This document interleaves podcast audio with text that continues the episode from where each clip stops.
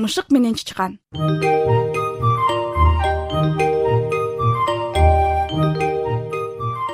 Мышыктын карылыгы жетип чычкан кармап жешке кудурети келбей калды.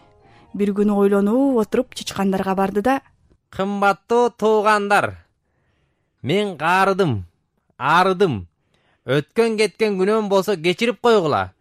Жаш кезде түшүнбөстүктөр болот экен. Эми таттуулашалы. Тууган болуп жүрөлү бири бирибизге чоңдук зордук кылбай тынч жашайлы. Кай бир иштеримди эстеп өзүм да уялчу болдум. Мындан ары силерге тийбейм сопулукка баш койдум. Эгер ынтымакка келсеңер күндө үч маал жанымда чубап өтүп алымды сурап тургула.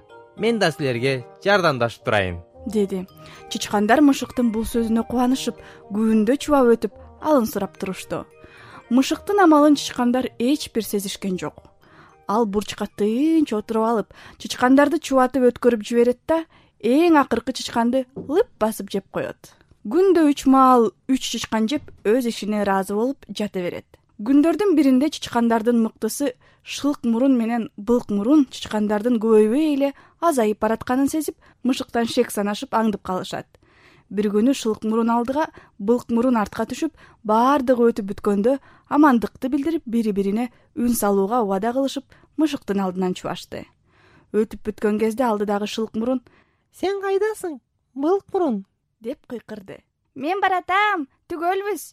деген былк мурун жооп берди. Мышык былк мурунду жей албай калды. Арадан дагы көп күндөр өттү. Мышык бир да чычкан жей албай ачкадан өлмөй болду акыры анын ачуусу келди да эң артта келаткан шылк мурунду качырып сала берди. Алды артын абайлап жүргөн шылк мурун булт берип ийинге кире качты. Аны көргөн чычкандар мышыктын алдамчы экендигин билишти. Ошондон кийин чычкандар жолобой коюп мышык ачкадан өлгөн экен